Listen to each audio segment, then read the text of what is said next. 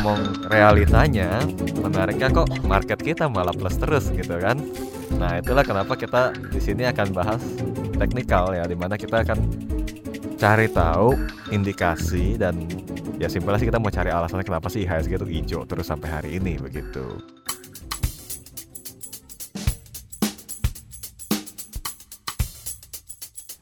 Hai semua, kembali lagi di episode kelima dari podcast Sobat Cuan. Kembali lagi bersama Govan Walakwila Dan gue William Hartanto. Selamat datang di, podcast Sobat, Cuan. Yeay, episode kelima ya sebenarnya ini ya. Uh, Anyway, uh, sorry banget untuk beberapa minggu terakhir kita lagi liburan kemarin uh, Holiday vibe dan uh, market gak buka juga gitu kan. Iya, jadi nggak ada yang mau dibahas juga sebenarnya gitu kan. Yoi, jadi kita meliburkan diri dan gue juga dapat beberapa chat gitu Will dari teman-teman gue uh, pendengar-pendengar setia Sobat Cuan. Kalau mereka dengerin Sobat Cuan apa apa namanya istilahnya? Maraton gitu.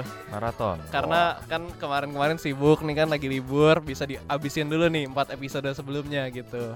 Dan gue juga dapat ucapan uh, bahwa podcast Sobat Cuan ini diterima ya dengan uh, oleh banyak orang uh, beberapa orang juga secara personal bilang kalau mereka nungguin episode podcast Sobat Cuan dan gue terima kasih banget gue sama William thank you banget kalau ternyata uh, podcast kita ada yang dengerin gitu ya.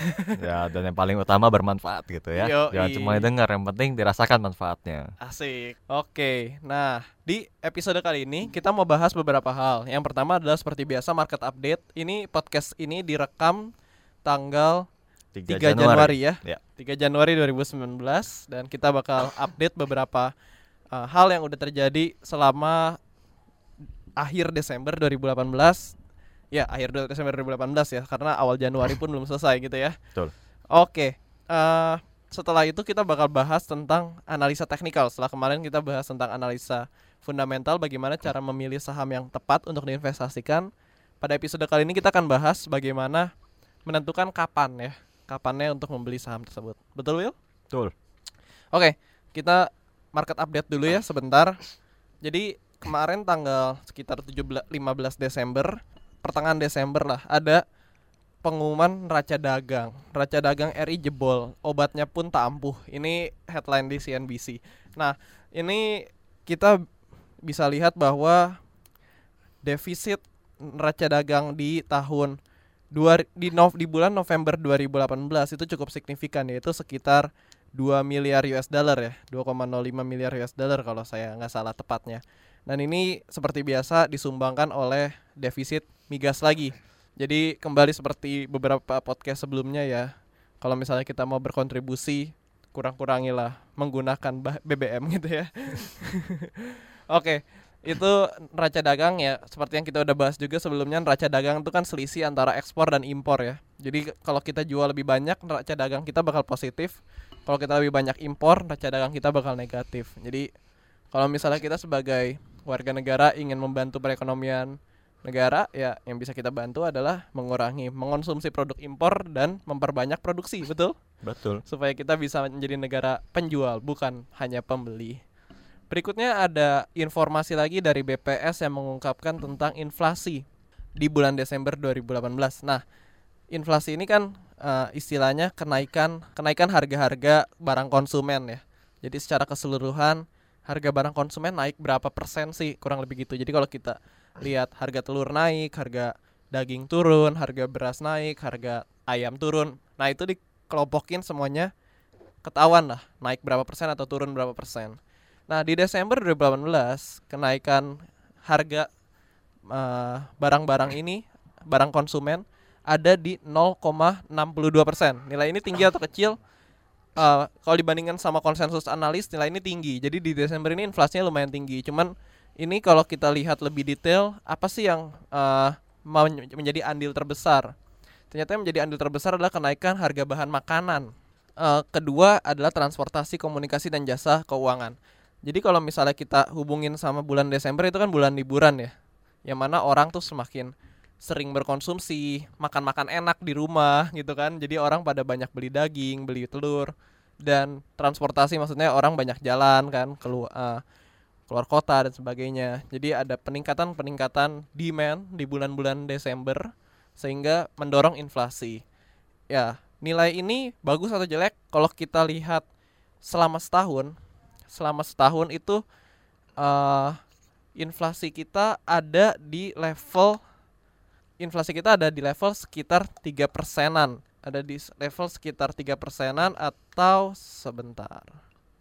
Atau 3,13 persen tepatnya. Jadi tiga uh, secara year on year 3,04 persen nilai ini besar atau kecil nilai ini ter, tergolong moderat ya. Jadi BPS kan punya target tiga setengah persen BPS maaf BI BI punya target tiga setengah persen dengan uh, standar error satu persen jadi sekitar dua setengah persen sampai empat setengah persen. Jadi dengan inflasi kita yang hanya sekitar 3,04 persen inflasi kita masih tergolong oke okay, gitu masih tergolong ya oke okay lah kenaikan tidak terlalu signifikan jadi sebenarnya kita berada di posisi inflasi rendah uh, yang mana kita bisa lihat bahwa daya beli masyarakat itu terjaga selama tahun ini. Sebuah prestasi bagi uh, para regulator uh, di tahun 2018 berhasil menjaga inflasi di harga di titik yang standar yang moderat. Ya, kurang lebih begitu. Nah, William ada berita apa lagi nih? Um, kalau gua dari luar negeri aja yang cukup signifikan banget tapi ya harus maksudnya gini signifikan banget di mana orang bilang harusnya nih efeknya ke pasar modal Indonesia tuh bikin nyungsep gitu ya harusnya turun sedalam-dalamnya yaitu di mana pemerintahan Amerika sudah shutdown sebagian jadi itu karena ada permasalahan tentang anggaran ya di mana Trump minta membangun tembok untuk pemisahan dengan Meksiko.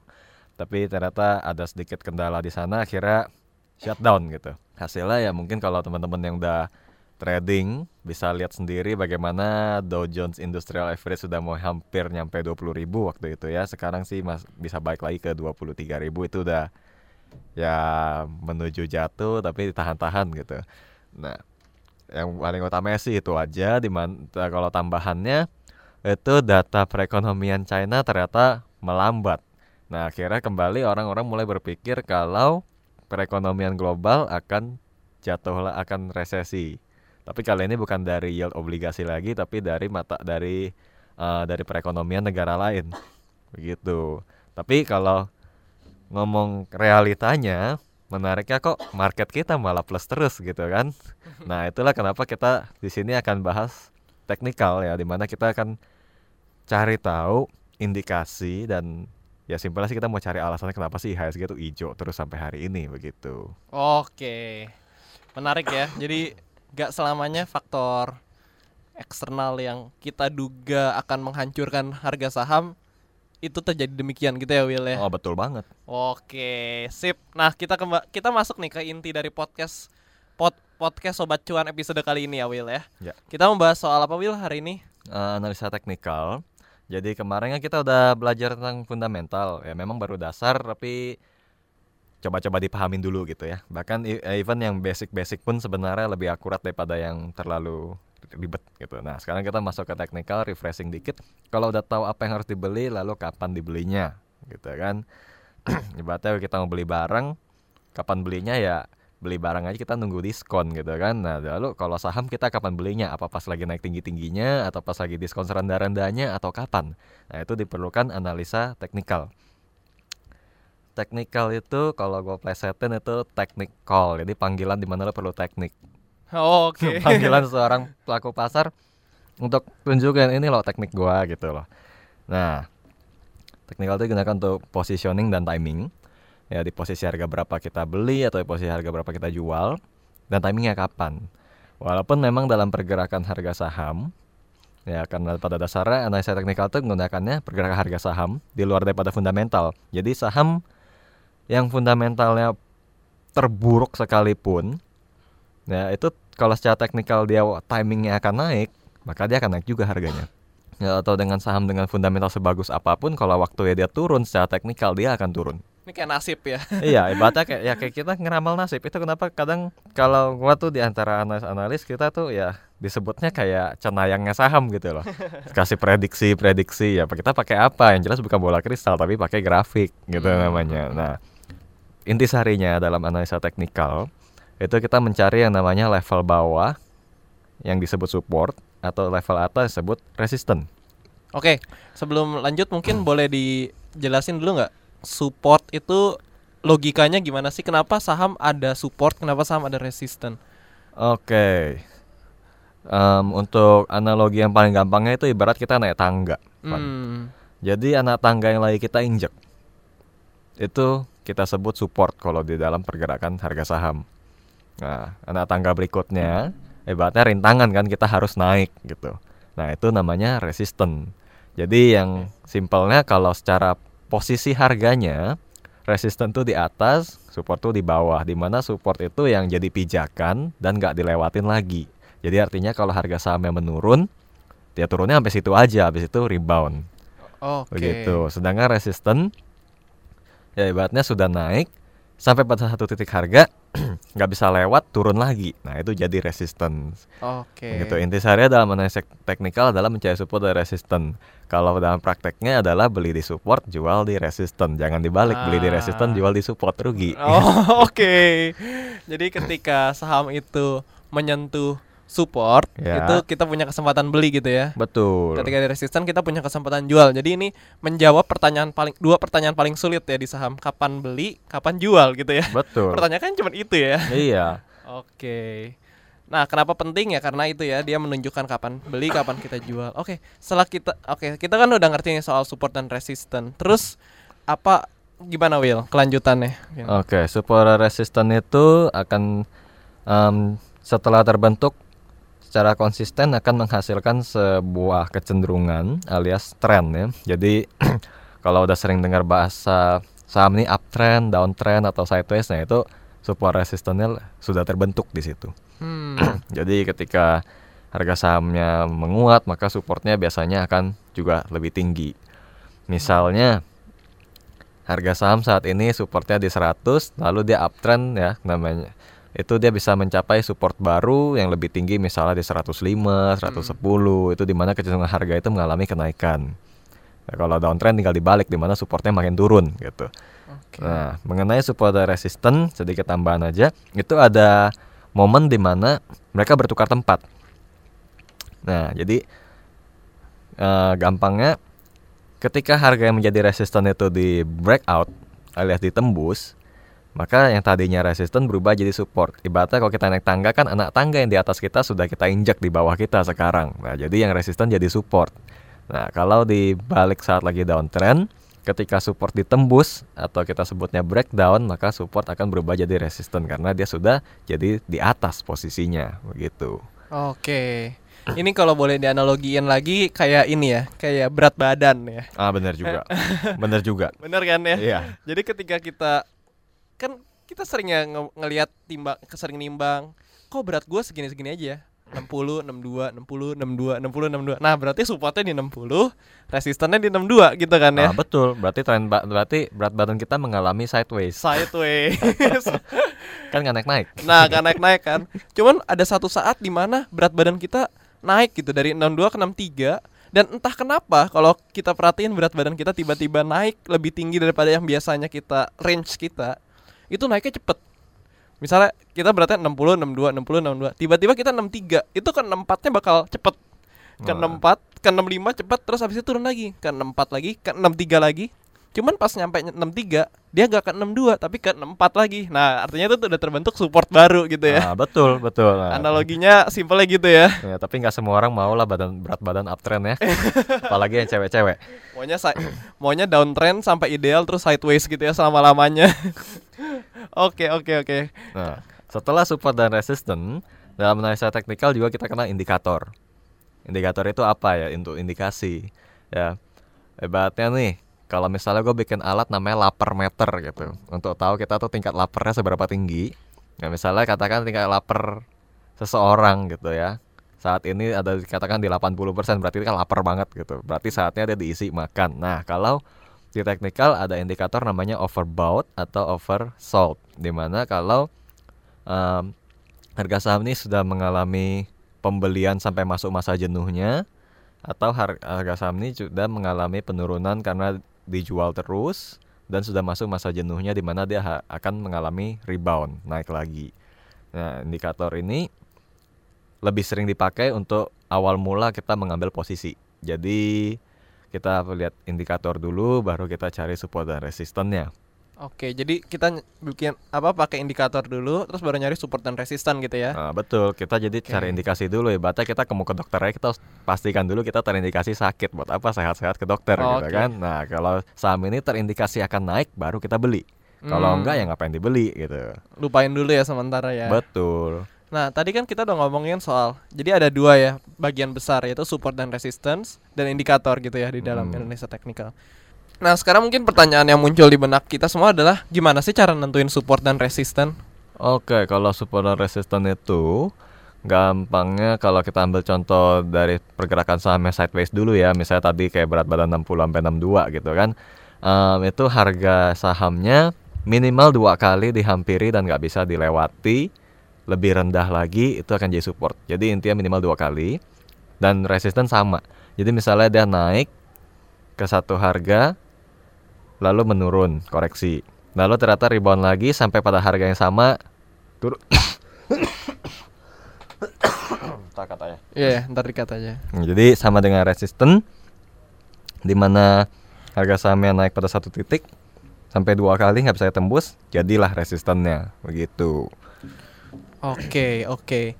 Jadi itu involve kita melihat grafik ini, misalnya saham Telkomsel gitu, si tel eh Telkomsel, Telkom, PT Telkom, itu udah naik turun naik turun, tapi nggak pernah menembus 3.500 dalam dua kali percobaan gitu kan ya. Betul. Nah berarti 3.500 itu adalah resisten gitu ya. ya, Dia adalah batas psikologi yang di mana kalau misalnya itu ditembus, dia bakal naik ke eh, level yang lebih tinggi gitu ya, betul. masuk ke uptrendnya. Mm-mm. Tetapi kalau misalnya dia udah coba turun ke 3200 tapi nggak pernah lebih rendah daripada 3200 udah dua kali percobaan. Artinya ketika dia menyentuh 3200 itu adalah support di mana dia sulit untuk turun, turun lebih dalam gitu ya. Betul. Dan dia akan kembali naik. Oke, itu kalau lagi sideways gitu ya Will ya. Mm-mm. Kalau lagi uptrend, lagi downtrend, uptrend atau downtrend itu kita butuh tambahan sedikit tools untuk menggambar garis ya. Jadi nanti akan terlihatnya saham itu kayak kalau dalam chartnya tuh menurun ada naik sedikit tu- tapi turun lebih dalam lagi kita gunakan line kita gambar akan kelihatan gitu jalurnya. kayak tarik garis lurus gitu Kata ya. garis lurus betul. Kita ambil dua titik terus tarik gitu ya. Ya. Oke. Jadi kita cari kondisi di mana harganya mengalami pantulan, baik itu pantulan turun maupun pantulan naik tergantung pada trennya. Kita sambungkan dengan garis lurus itu. Kita akan Oke. dapat oh ini trennya lagi menurun, perkiraannya tuh mau ke berapa harganya. Jadi kita tuh pakai data historical untuk forecast ke ke depannya mau ke berapa harganya. I see. Jadi kesimpulannya adalah cara menentukan support dan resisten adalah cari Titik eh, pantulan. Titik pantulan. Hmm. Image apa imajinasi kan itu line-nya kan. Betul. Kayak imaginary line yang di mana si line itu ber- memantul gitu ya Will ya. Yes. Nah, ketika dia menyentuh pantulan itu, kita baru bisa eh, mengkondisikan diri untuk membeli atau menjual saham itu. Gitu ya, kurang Ya. lebih. Dan kembali lagi beli di support, jual di resisten gitu. ya, dan karena tadi Vanuel sebut imaginary, gue jadi pengen bilang ya karena sifatnya juga agak-agak imajinasi. Jadi jangan heran kalau antar trader suka ribut. Em, imajinasinya beda ya. Iya, imajinasi orang beda-beda gitu kan. Oh, menurut gua resistannya di 100, menurut si B enggak. Ya Iya, udah, iya, yang iya. penting sih intinya satu, seberapa beda pandangan, berapa beda tekniknya, yang penting cuan. Jadi jangan dipermasalahkan ya kalau misalnya abis dengar podcast ini ada teman kalian, oh resistennya di 100, resisten di 200, resisten di 300. Ya ya udahlah ya gitu kan. Kita semua berbeda-beda pandangan. Iya, yang penting harga sahamnya naik, dapat untung. Iya. Saham jangan ngadu ilmu, ngadu ngadu ka, ngadu Cuan profit ya. aja. Nah, ngadu cuan aja betul. Itu itu komponen pertama ya dari teknikal yaitu support dan resisten. Komponen kedua adalah indikator tadi ya Will ya. Ya, indikator. Heeh. Indikator ini kalau nanti teman-teman udah coba dalam prakteknya tuh ada banyak pilihan. Ada Bollinger Bands, eh, stochastic, lalu ada oscillator, stochastic oscillator, moving average, lalu MACD, moving average convergence divergence. Terus ada awesome oscill- oscillator banyak deh ratusan. Hmm. Itu bikin pusing ya. Dan berita buruknya adalah kalian harus mengerti satu persatu. Betul, karena nggak semua indikator bisa diterapkan pada semua saham. Jadi ada saham tertentu yang katakan mesti pakai Bollinger Band di saham yang lain nggak perlu gitu. Jadi ada indikator yang perlu diterapkan hanya pada saham tertentu. Itu karena memang pergerakan sahamnya begitu, ngikutin gitu. Oke. Yang paling eh, praktis yang mana sih Will? Jadi mungkin eh, tadi ada sedikit miss kalau kita mungkin kayak kan banyak banget ya ada ratusan. Mungkin nggak semuanya kita bisa apal gitu kan ya. Oh iya, gue juga nggak bisa semuanya sebenarnya. Jadi kita yang penting ngerti apa ya logic di behindnya. Nah dari banyaknya ratusan indikator ini ada indikator apa aja sih Will yang eh, kira-kira trader ini harus tahu? Yang paling umum ya, Hmm. orang pakai moving average. Moving average itu kalau nama kerennya ya moving average harga rata-rata, tapi kalau hitungan manualnya sih semua di zaman sekolah udah pernah coba. Jadi ca- cari rata-rata aja jumlahin dibagi periodenya gitu kan. Misalnya moving average 5 hari kita jumlahin harga penutupan selama lima hari bagi 5 dapat gitu. Tapi ya kabar baiknya kita nggak usah hitungin. Pakai Oke. sistem aja cuman klik moving average period 5 Oke, pasti Ya. muncul Oke. yang paling umum kita pakai moving average di mana strateginya kalau harga udah nembus moving average itu ya biasanya uptrend udah mulai begitu dan uptrendnya akan terus berjalan selama harganya nggak turun di bawah moving average. Itu salah satunya yang paling gampang dan paling umum dipakai. Oke.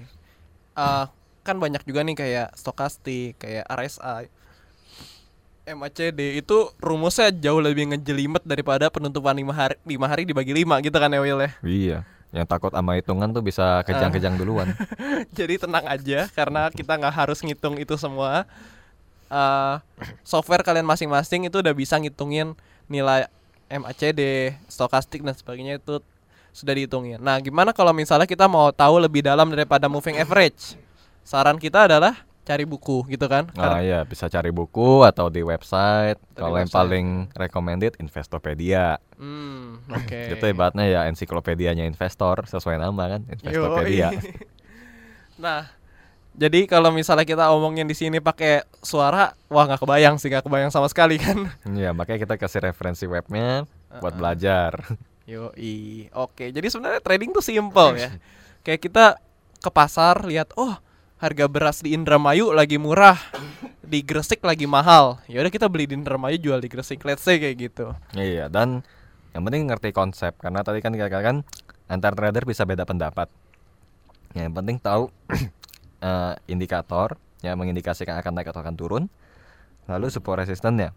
Karena mau jenis indikatornya apa pun, intinya nggak akan jauh-jauh dari itu-itu aja. Oke, Mm-mm. support dan resistance. That's the the key gitu ya. Betul. Oke, kita kan tadi udah ngomongin teknik ya, Ah, indikator, support, resistance.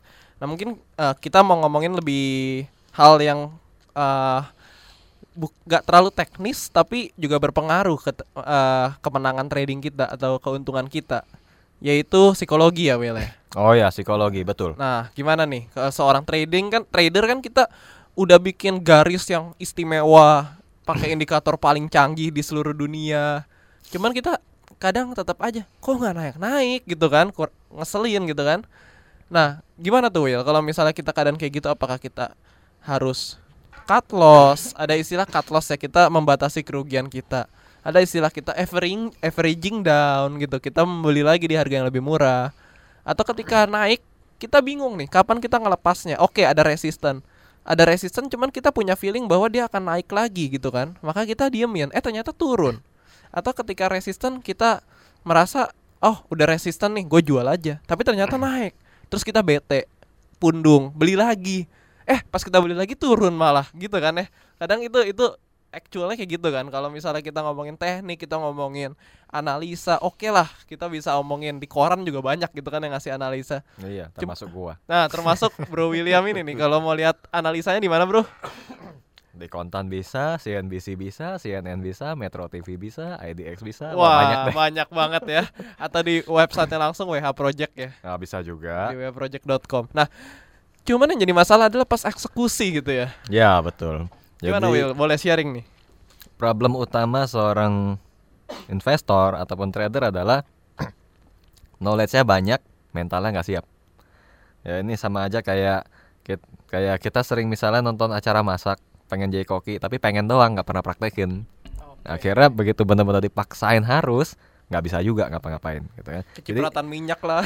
nah betul jadi psikologi itu memang lebih penting daripada semua knowledge itu karena analisa apa pun tuh nggak ada yang 100% akurasinya.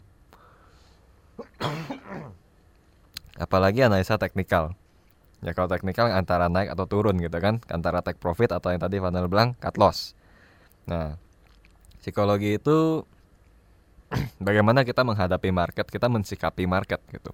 Nah kayak tadi kan kenapa sih eh, eksternal jelek IHSG tetap naik. Secara teknikal tadi yang gue sebut MA5 itu berlaku banget di IHSG di MA IHSG di atas MA5 terus bagaimana kita bisa bilang itu akan turun selama nggak dilewatin gitu kan?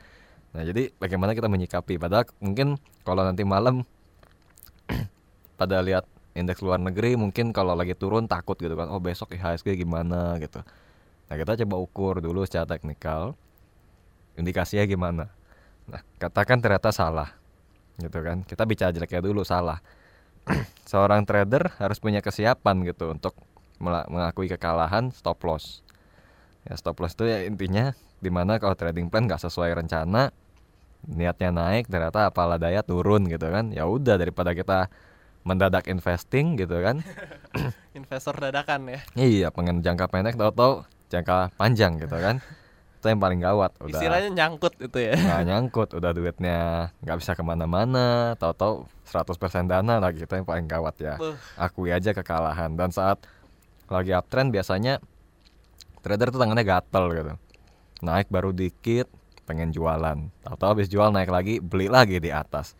Nah itu bisa diukur juga dengan teknikal bagaimana kita melihat oh masih uptrend tahan misalnya. Nah kata lainnya kita membiarkan harga saham itu terus naik alias kita let profit run gitu. Nah itu emang agak sulit ya psikologi itu. Perlu perlu ya kalau jangka waktu belajar nggak ada yang tahu sih. Gua sendiri aja baru sekitar enam tahun gitu kan. Dan jujur gue pribadi psikologinya ya nggak nggak oke oke banget. Kadang juga ada suatu masanya di mana gue perlu panik juga gitu. Kalau misalnya tiba-tiba muncul news jelek dari saham yang gue pegang gue mesti baca action. Hmm. tapi dengan semakin terbiasa dengan market banyak praktek atau banyak mengamati dulu misalnya kan ngamatin dulu baru praktek itu pelan-pelan sih psikologi akan terbentuk juga. Memang yang penting adalah di atas daripada semua knowledge itu adalah psikologi gitu. Bagaimana kita menyikapi menghadapi ya. Yang paling penting adalah jangan gampang panik gitu. Oke, boleh nggak Will? Ka- eh, apa namanya di penghujung podcast ini ngasih tips gitu. Kapan kita harus cut loss gitu? Ketika udah sekian persen dari kerugian kita kah? Atau misalnya udah menyentuh apa? oke Boleh nggak sih tips? kalau persentase biasanya sih balik ke jantung masing-masing ya Ya, jadi ini bukan perintah ya, ini bukan perintah yang maha kuasa. Cut loss kalau sekian persen. Ini apa ya? Istilahnya suggestion gitu ya. Kalau pertama adalah per- pertimbangkan jantung kalian masing-masing gitu ya. Ada yang udah ruginya 50% pun masih santai. Ada yang baru 2% udah wah gimana nih gimana nih gitu kan. Iya, iya. Udah dak duk dak duk gitu kan. Nah, kalau dari gue pribadi sih biasanya gue batasin 7% di bawah batas stop loss. Jadi maksudnya gini. Misalnya batas stop loss gue di 100 bukan berarti begitu kena 100 gue langsung buang ke stop loss enggak. Gue kasih batas spare 7%. Karena faktanya nih kita tiap kali kalau udah kena batas stop loss abis kita stop loss gak lama naik lagi Iya. jadi kita kasih toleransi 7% di mana kalau udah lewat dari 7% di bawah batas stop loss kita itu udah benar-benar nggak akan balik biasanya Oh, oke. Wah, ini ini tips yang berharga nih buat Mm-mm. pendengar nih. jadi kita Oke. jangan jangan terlalu kaku juga karena ya ini sih sebenarnya agak di luar teknikal cuman biasanya sering kali kita udah kena batas stop loss turutin gitu kan stop loss kok abis jual naik? Gitu. Hmm, nah itu kita masih kasih batas toleransi supaya nggak terlalu kaku juga. Oke. Nah kalau dari gue biasanya gue spare 7% Nah kalau orang lain bisa aja Ya mungkin body 3%, 5% ya it's okay. Yang penting Oke. adalah jangan kaku. Logikanya biasanya kita pasang stop loss kan di support ya. Nah, support itu kan yang kita tahu adalah peluang terbesar saham itu bakal rebound gitu ya. Nah, betul. Kalau misalnya kita pasang stop loss versus di support, ya udah gitu kan itu padahal peluang terbesar buat rebound. Nah, Tapi- itu yang paling kacau kan orang suka pasangnya di support dan tanpa sadar support terkuatnya gitu. Wah, itu Tahu-tahu dia. malah stop loss habis itu di rebound gitu kan. ya Itu udah pusing hilang duit, hilang harga diri juga gitu kan. Kok trader gagal gitu loh. gue gagal sebagai trader. Hmm, ya. Kalau take profit gimana Will? Nah, kalau take profit karena pada dasarnya kita itu manusia maunya greedy ya, maunya naik tinggi-tingginya. Kalau dalam take profit saran gua adalah pakai tadi moving average periode 5 hari. Di mana kalau harga saham yang na- naik terus di atas MA itu ya udah biarin aja tinggi-tingginya sampai dia terbentuk resisten baru. Nah, misalnya nih, target sahar harga saham yang gue mau itu 2000. Sekarang harganya katakan ada di 1500 berarti kan masih ada ruang 500 poin Oke. nah selama belum nyampe 2000 gue bisa ngotot gitu gue biarin tapi misalnya katakan dalam perjalanan dia cuma sampai 1700 nggak bisa lewatin ya udah ya udah kita nggak usah paksain lagi kita jual di 1700 Oke, gitu I see. Gak bisa lewat tuh, maksudnya dia sempat ke 1700, turun dikit, naik lagi ke 1700, eh turun lagi gitu ya. nah betul jadi ada dua cara ya yang satu kita tunggu dia lewatin MA 5 atau yang kedua yang kedua sampai dia membentuk satu resisten dan nggak bisa lewatin ya udah kita say goodbye sama saham itu Oke. masih ada banyak saham lain yang bisa naik juga kok gitu kan Exactly. Oke, nih ini uh, tips yang sangat berharga ya dari Bro William. Gue pengen nambahin satu, paling satu. uh, jangan beli di satu harga, jangan jual di satu harga. ah jangan jual di satu harga. Ini nggak selalu berlaku, cuman uh, most of the time it works gitu. Ketika kita mau beli, ya kita jangan beli di satu harga. Kita spare. Misalnya kita mau beli saham ini 5 juta, jangan nggak jangan sebaiknya jangan langsung 5 juta beli di satu harga gitu bikin beberapa layer. Pas mau jual juga gitu. Entah jual itu mau jual rugi atau mau jual untung. Kalau bisa jangan di satu harga gitu. Misalnya dia peng eh, udah kena eh, stop loss pertama tambahin 7%. Kalian mau jual sebagian nggak apa-apa, mau jual semuanya nggak apa-apa, cuman baiknya jual sebagian aja dulu. Karena masih ada sebagian lagi yang kalau misalnya dia naik kita nggak nyesel-nyesel amat. Tapi kalau dia nggak dia turun lebih dalam kita juga nggak nyesel-nyesel amat. Itu tujuannya lebih ke arah supaya kita tetap tenang gitu. Oh masih ada sekian oh masih ada sekian gitu. Jadi itu menjaga supaya pikiran kita tetap positif tetap eh, clear gitu ya. Nggak nggak panik gitu. Eh, dan ketika jual juga sama. Ketika dia menyentuh angka sekian eh, kita mau jual dulu jual aja dulu sebagian. Nanti baru kita eh, jual lagi ketika dia udah mencapai level terakhir. Oke itu dulu untuk podcast sobat cuan kali ini.